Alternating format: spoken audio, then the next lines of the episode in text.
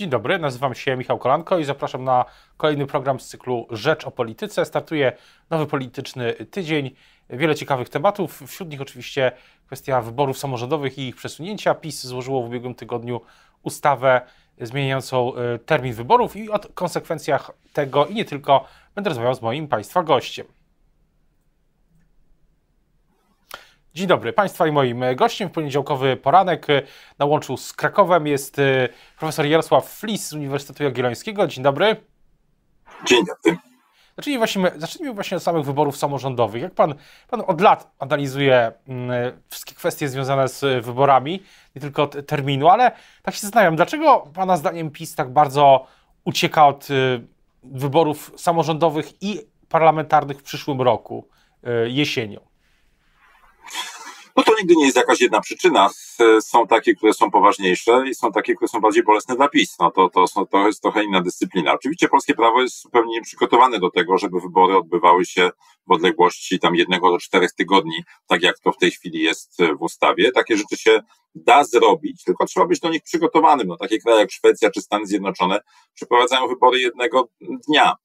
Natomiast y, to wymaga przemyślenia, uzasadnienia i całego szeregu rozwiązań prawnych, na które rozumiem, chyba nikt nie ma ani pomysłu, ani woli, żeby się tym zajmować.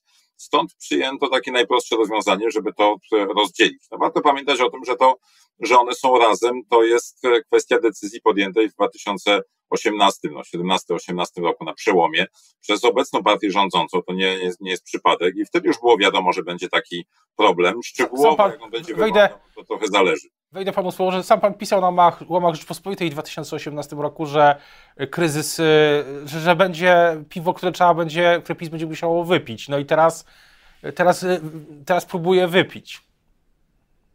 No to rozwiązanie, które, które przyjął jest, jest takie no, najwygodniejsze dla nich i z troską tylko o własne interesy, to znaczy, żeby nie skracać kadencji Sejmu, nawet jeśli to Sejm na, nabronił, wydłużyć kadencję samorządu, Y, i y, powołując się tam na, na pretekst 98 roku, no to jest rozwiązanie, które ma, ma mnóstwo wad i, i mnóstwo wątpliwości prawnych i, i wyroków, no przede wszystkim interes obywateli. Warto pamiętać, że w jednej trzeciej gmin w każdej kadencji usuwa się dotychczasowych burmistrzów, wójtów czy tam prezydentów miast, bo się nie sprawdzali. No i teraz podarowanie dodatkowego pół roku y, tym wszystkim, którzy nie bardzo sobie radzą i to już mniej więcej wiadomo w tych, w tych gminach, przecież są napięcia, no to na pewno jest jakiś koszt dla obywateli. Trudno powiedzieć, dlaczego mieliby go ponosić. Już tylko złośliwie można by spytać partii rządzącej, dlaczego tak bardzo chce przedłużać kadencję Rafałowi Trzaskowskiemu w Warszawie oraz całemu szeregu innych polityków opozycji, których uważa, że, że tak źle sprawują swoje, e, swoje funkcje, ale teraz jeszcze dostaną dostaną nagrodę. No, tak naprawdę rozwiązanie jest e, znacznie prostsze, znacznie mniej kłopotliwe. To jest takie, żeby Sejm przyjął uchwałę o samorozwiązaniu obowiązującą w kwietniu, i wtedy prezydent zarządzi wybory na czerwiec przed wakacjami. Kadencja sejmowa skróci się minimalnie, tylko bo przecież jest przerwa wakacyjna. Wybory samorządowe będą się w terminie. Nikt nie będzie miał w przyszłości też pretekstu do tego, żeby manipulować terminem wyborów, no bo przecież te, te wybory też się kiedyś znowu zejdą. Te, te czy inne. No i, i, i wtedy zawsze będzie taka pokusa, że no już raz się to zrobiło, no to teraz już wszyscy będą kombinować, żeby tak to, żeby tak to zrobić. Wydaje mi się, że to jest najprostsze rozwiązanie.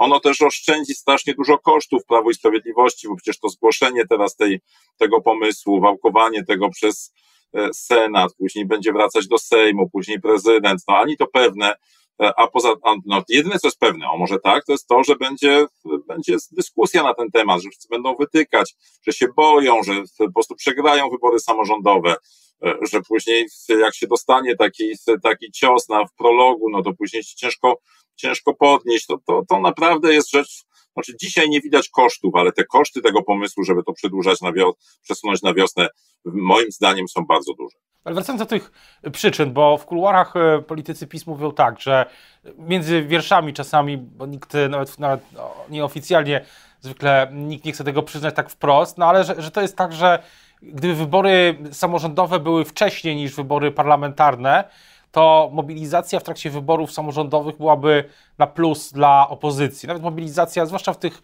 nie tylko w, nie tyle w dużych, co w średnich, mniejszych y, miejscowościach, gdzie też rządzą czasami politycy związani z opozycją, ale w ogóle politycy, którzy nie są z PiSu, tak mówiąc. I, i to, że oni zachęciliby do udziału wyborców y, w tych swoich kampaniach w terenie, byłoby utrudnieniem dla PiSu y, zdobycia tam mandatów później y, poselskich. Co pan na to? To się trzyma E, ma to jakiś to sens? To jest bardzo wątpliwa argumentacja. Znaczy, ja widzę poważniejsze problemy, to znaczy, to jednak przede wszystkim jest to, że w polityce jest coś takiego jak efekt miodowego miesiąca. Zresztą sam PiS był tego beneficjentem w 2015 roku. To znaczy, że po każdych wyborach następuje dołek w sondażach. No i teraz PiS przed pięciu laty doprowadzając do takiego, do takiego zbliżenia wyborów sejmowych i, i samorządowych, tak naprawdę doprowadził do tego, że nie może uniknąć takiego dołka. Pytanie jest, przed którymi wyborami chce mieć dołek. Oczywiście, że z punktu widzenia Sejmu ważniejsze są sejmowe wybory i dlatego próbuję przesunąć te, te samorządowe na później, ale tak naprawdę z punktu widzenia samorządowego to, że one się odbędą tuż po wyborach sejmowych, to oznacza, że Prawo i Sprawiedliwość będzie mieć tam znacznie poważniejsze e, problemy niż to, że tam ktoś zmobilizuje się na zasadzie takiej próby przed wyborami e, sejmowymi. Wydaje mi się, że ten dołek E, to jest coś poważnego. Warto przypomnieć to wybory z 2010 roku. Wtedy wybory samorządowe odbyły się kilka miesięcy po przegranych przez PiS wyborach prezydenckich. No i wtedy Prawo i Sprawiedliwość miało najgorszy wynik. E, ze wszystkich wyborów po 2005 roku 23% w sejmikach straciło władzę nawet na Podkarpaciu. No i teraz, jeżeli te wybory będą w kwietniu, to może się zdarzyć dokładnie to samo. To znaczy posłowie dłużej będą żyli nadzieją, że jakoś pójdzie dobrze, e, ale wszyscy radni, burmistrzowie i, i tak dalej, albo się w ogóle rozpierzchnie PiS lokalnie, tak jak teraz w Rudzie Śląskiej, gdzie przecież poseł wystartował jako niezależny kandydat, więc wszyscy schowają ten szyld PiSu i, i, i to będzie kłopot dla partii. No albo może jeszcze pogłębić się przegrana, jeśli te wybory w 2023 roku sejmowe PiS przegra. No bo też e, na poziomie sejmików e, szyldu tak jak w Rudzie Śląskiej, jak pan zauważył, schować nie sposób. To znaczy lista musi, znaczy można oczywiście, ale listy, listy no, będą pewnie partyjne w, w sejmikach. Tutaj e, PiS kontroluje teraz 8 z 16 sejmików i e, też e, chyba o tą władzę w niektórych z nich się obawia. No na pewno jest tak, że, że w 2018 roku notowania partii te ogólnokrajowe było kilka punktów procentowych lepsze niż teraz. Nie było konfliktów wewnętrznych. Ta walka pomiędzy Morawieckim a Ziobrą toczyła się gdzieś tam pod dywanem, a nie tak jak teraz zupełnie otwarcie. To sytuacja gospodarcza, międzynarodowa była bez porównania lepsza niż teraz, więc także ma się czego obawiać Prawo i Sprawiedliwość, no ale chcącemu nie dzieje się krzywda, to znaczy no sami na siebie sprowadzili to utrapienie i, i teraz już trochę jest za późno, żeby znaleźć zupełnie bezbolesne rozwiązanie. Także który ból będzie większy? Czy to, że, e, że nie będzie tego, e, tego strzału e, w, w prologu, tego obicia w prologu w wyborach samorządowych, wysoce prawdopodobnego, no bo naprawdę w 2018 roku tam władza w gminach, no to 10%, próbowali w dwóch trzecich Polski, zdobyli władzę w mniej niż 10% to nikomu tak źle nie poszło jeszcze w, w polskich wyborach e, wójtów, burmistrzów, jak PiSowi w 2018. Teraz chyba nie pójdzie lepiej. E, no, z drugiej strony, jak się to przesunie na, e, na po tych wyborach, no to rzeczywiście jest tak, że ten respirator, którym zawsze są dla polityki ogólnokrajowej wybory samorządowe, no to on może zostać rzucony wcześniej na szale i już go, już go nie będzie. Może to doprowadzić do potężnego kryzysu tej partii, która no, jednak chyba by chciała być, nawet jak przegra wybory, główną partią opozycyjną, a nie pójść w, w rozsypkę, jak to się zdarzyło SLD w 2005 roku. Wracając jeszcze do, y, na chwilę jeszcze do samej, samej sekwencji tych, tych wyborów, bo 2024 y, to też wybory europejskie, które będą kilka miesięcy po, po, tych wyborach samorządowych, jeśli do tego, jeśli do tego y, przesunięcia dojdzie. Pan, pana zdaniem to będzie miało jakiś wpływ Y, na, czy wynik wyborów samorządowych będzie jakoś wpływał na wybory europejskie, czy to są zbyt, czy to są odrębne sprawy? No nie są tak odrębne. Jeżeli będą bardzo blisko, teraz ten termin, o którym się mówi, no to jest, y, jest kwiecień. No warto pamiętać, że wybory samorządowe jednak trwają dwa tygodnie, bo to są dwie tury. E, także termin tam wymieniany w połowie kwietnia jest dość wątpliwy, bo wtedy druga tura wypada w długi majowy weekend. No, nie wiem, czy to jest na pewno dobry, Mm, pomysł. No ale w każdym razie gdzieś te wybory, nawet jak będą na początku kwietnia, to pod koniec kwietnia będzie druga tura, za chwileczkę w maju będą wybory europejskie, to znaczy tyle, że wszystkie wybory samorządowe będą się odbywać już w trakcie kampanii, takiej do jeszcze nie rozkręconej zupełnie, ale jednak też też widocznej w, mm, w tym czasie. Być może już po rejestracji kandydatów, tego nie wiemy, jaki będzie dokładny kalendarz e, wyborczy wyborów europejskich, ale to też warto byłoby sprawdzić, czy na przykład wszyscy ci, którzy wystartują w wyborach europejskich, nie będą chcieli wystartować w wyborach burmistrzów i prezydentów, po to, żeby właśnie sobie wyrobić nazwisko, przypomnieć o sobie wyborców, wyborcom i później odnieść z tego typu korzyści. No to naprawdę taki miesięczny odstęp pomiędzy wyborami to nie jest, nie jest dobry pomysł. I, I znowu, tak samo jak w 2018 roku, dobrze byłoby zrobić jakąś dyskusję na ten temat, nie tam wewnętrznym gronie, gdzie chcieństwo zwykle e, przeważa nad, e, nad rozsądkiem, e, tylko po prostu zrobić otwartą dyskusję i powiedzieć, pozwolić wszystkim przedstawić argumenty, które w tej sprawie można podnieść, bo jak widać po tej sprawie z, z tych zmian sprzed pięciu lat, Prawo i Sprawiedliwość no, ma taką, taką przypadłość, że zamyka oczy na te problemy, które są bolesne. Co do, co do przyszłości, to jeszcze jest to drugi, drugi wątek, czyli zmiana ordynacji wyborczej. Wydaje się, że Prawo i Sprawiedliwość e, tak nieoficjalnie można usłyszeć i wyczuć, że tak się wyraża, że się wycofuje z pomysłu zmiany, zmiany w ordynacji. No i tak były wątpliwe E, wątpliwe byłoby, czy Solidarna Polska, czy prezydent poprze takie zmiany, ale jak pan, jak pan sądzi, tak jak już spoglądając chyba bardziej historycznie na ten temat, czy, e, o, czym, o czym świadczyło to, że, że tak długo w Prawie i Sprawiedliwości była taka debata, czy tak e, radykalnie jednak zmienić reguły wyborcze na rok przed wyborami? To każdą władzę świeżbią ręce, żeby coś tam po, pomajstrować przy, przy regułach. No i tą E, tą władzę te ręce świeżbią bardzo. No to wiemy, to obserwujemy od lat. Przecież było i w Parlamencie Europejskim, było zmienione, zawetowane przez prezydenta i, i do sejmików była taka propozycja, później się w niej wycofali, e, kiedy sobie skalkulowali, że to jest bardzo silny impuls integracyjny dla wszystkich przeciwników. No i ta sprawa gdzieś też, gdzieś też wraca. No widać, że gdzieś są tam tacy manipulatorzy na zapleczu, którzy cały czas podsuwają te pomysły. No tutaj wiele plotek głosi, że to Jacek Kurski miał taki, taki pomysł, no ale jak widać manipulacje w prawie wyborczym to jest znacznie bardziej skomplikowana sprawa niż takie manipulacje w telewizyjnych wiadomościach.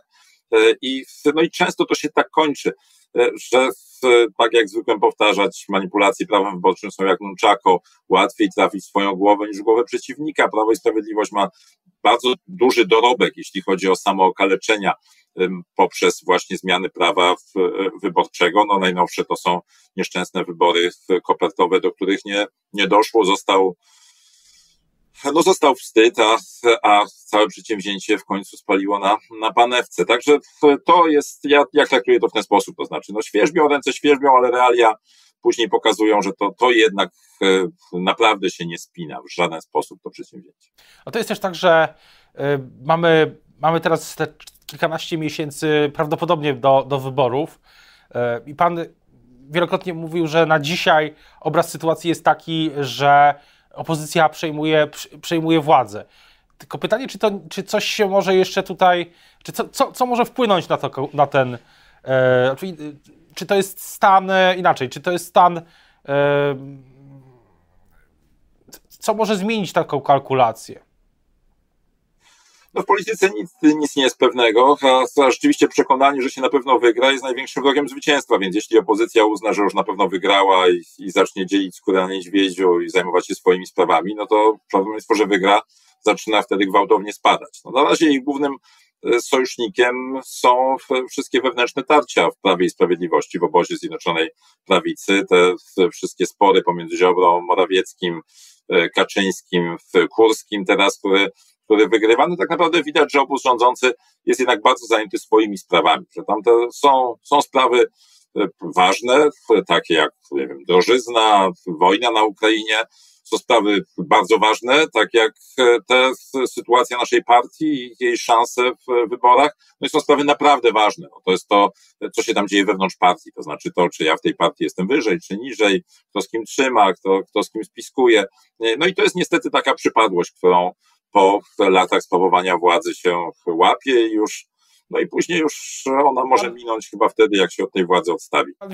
Pan wiele lat analizuje też sytuację i pan widzi, widzi pan podobieństwa dzisiaj sytuacji PiSu z sytuacją Platformy w 2014 14, 14 roku? Bo wydaje się, że, że moment, jeśli chodzi o Moment jest oczywiście inny geopolitycznie, bardzo wiele rzeczy się zmieniło też i technologicznie, pa pandemia, ale polityka no, też lubi cykle. I pytanie, czy widzi Pan podobieństwa, albo czy widzi Pan też różnice sytuacji Platformy y, jesienią 2014 z 2014 roku i sytuacją PiSu jesienią 2022 drugiego, y, drugiego roku. Oczywiście, tak jak mówiłem, 8 lat, gigantyczne zmiany też y, na świecie, ale coś, coś, coś się zgrywa, coś się nie zgrywa?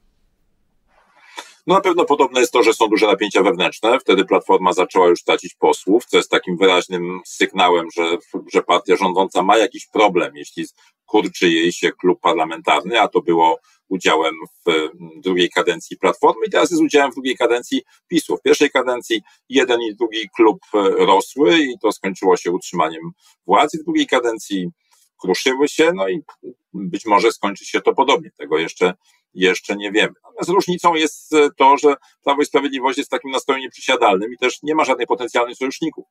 W 2014 roku lewica tam przebierało nogami, żeby w czego się dołączyć do koalicji, żeby ją wziąć jako, jako koalicjant i, i wiemy, że jednym z problemów Platformy w 2015 roku było to, że, że nie sprężała się aż tak mocno, bo wierzyła, że zawsze jeszcze z lewicą się da porozumieć i, i PiS i tak przecież nie zdobędzie samodzielnej większości. Wiemy, jak się to jak się to skończyło. No teraz tak naprawdę Prawo i Sprawiedliwość jest na tyle wewnętrznie skłócone, że też nawet chyba nie jest w stanie zrobić takiego zwrotu, żeby się otworzyć na innych i zresztą chyba po tych siedmiu latach deptania wszystkim po odciskach, odsądzania od czci wiary i, i tych wszystkich no, tych przekazów, które Jacek Kurski tam serwował na temat pozostałych partii w, w swojej telewizji, E, to, to już tak naprawdę nikt nie ma ochoty. To znaczy ta wiarygodność jako potencjalnego partnera koalicyjnego e, jest bardzo niska i to jest istotny element. Natomiast no to, co e, PiS ma tą, tą przewagę, że Prawo jest, że Platforma Obywatelska miała rafę w postaci wyborów prezydenckich. To znaczy im się wydawało, że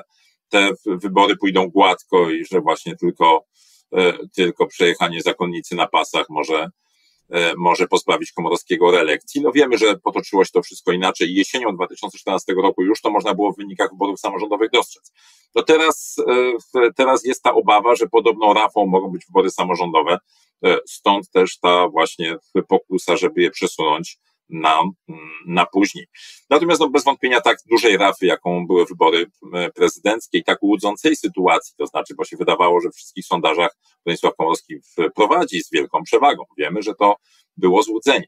E, to tak wielkiej rafy Prawo i Sprawiedliwość nie ma. No ale za to sytuacja gospodarcza i rzeczywiście geopolityczna jest zupełnie inna. Chociaż z drugiej strony można by ją wykorzystać do jakiegoś resetu, do jakiegoś do jakiegoś złagodzenia tonu, do jakiegoś zmniejszenia liczby konfliktów, ale widać, że to, to chyba nie, nie wychodzi, nie ma takich odruchów Prawie i Sprawiedliwości. Czy jest, tak, jest taka teoria, że najważniejsi dzisiaj są wyborcy niezdecydowani, ci, którzy e, w kolejnych sondażach też Rzeczpospolitej, czasami dla Rzeczpospolitej to jest czasami 12, czasami 14, czasami 10, 10%. E, no i jest takie przekonanie, że to e, że w pewnym momencie albo oni zostaną w domach, w, PiS nie będzie w stanie, częściowo to są ich wyborcy, wyborcy PiSu, czy, że PiS nie będzie w stanie ich zmobilizować z powrotem, albo, w, ale, ale też jest taka, takie poczucie i to też w kuluarach czasami yy, Prawo i politycy PiS mówią, że oni wrócą yy, do PiSu i to będzie ten yy, przełom, który umożliwi jednak wyjście na prostą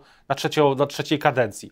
Pan, pan uważa, że taki wariant jest możliwy, żeby ci, którzy się na PiS wkurzyli przez ostatnie lata, w pewnym momencie kampanii wyborczej za rok do PiSu wrócą?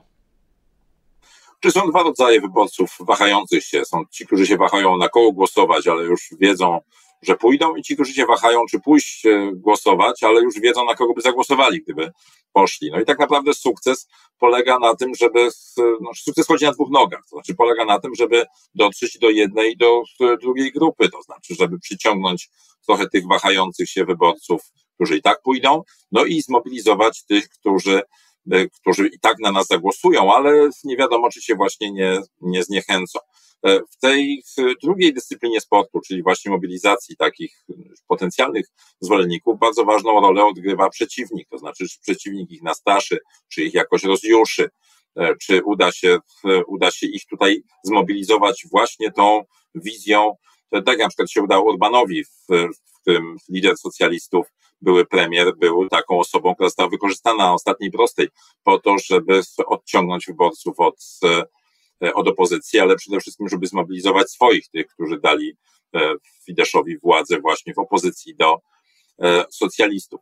No i teraz pytanie, czy, czy tutaj te karty nie są zgrane w Polsce, czy one już nie, nie za często były w, w użyciu, czy wszyscy już machają ręką na tego, tego Tuska mówiącego po niemiecku, który w kółko tam jest e, wałkowany gdzieś e, w, w mediach. Czy te historie już się nie, nie wypaliły, albo z drugiej strony, czy opozycja znajdzie jakieś jakiś remedium na to, to znaczy, czy, czy gdzieś, no tak jak w 2015 roku PiS schował Kaczyńskiego i znalazł nowych liderów, których nie można było obciążać starymi grzechami E, obecnego no, starymi grzechami prezesa, tak i teraz może się okazać, że jeszcze w przyszłym roku pojawi się jakiś nowy kandydat na, e, na premiera, że może Tusk jednak zrozumie, że, że jest w pewnym sensie zatutem, ale też niemałym jest obciążeniem dla tego, dla całej opozycji. To jest pytanie na przyszły, na przyszły rok. Myślę, że te dyskusje w ramach opozycji się y, i o tym też po cichu toczą na różnych, różnych, na różnych forach. Teraz bardzo już dziękuję za rozmowę Państwa i moim gościem dzisiaj był profesor Jarosław Flis z Uniwersytetu Jagiellońskiego. Dziękuję bardzo i zapraszam na program jutro. Do usłyszenia. Do zobaczenia.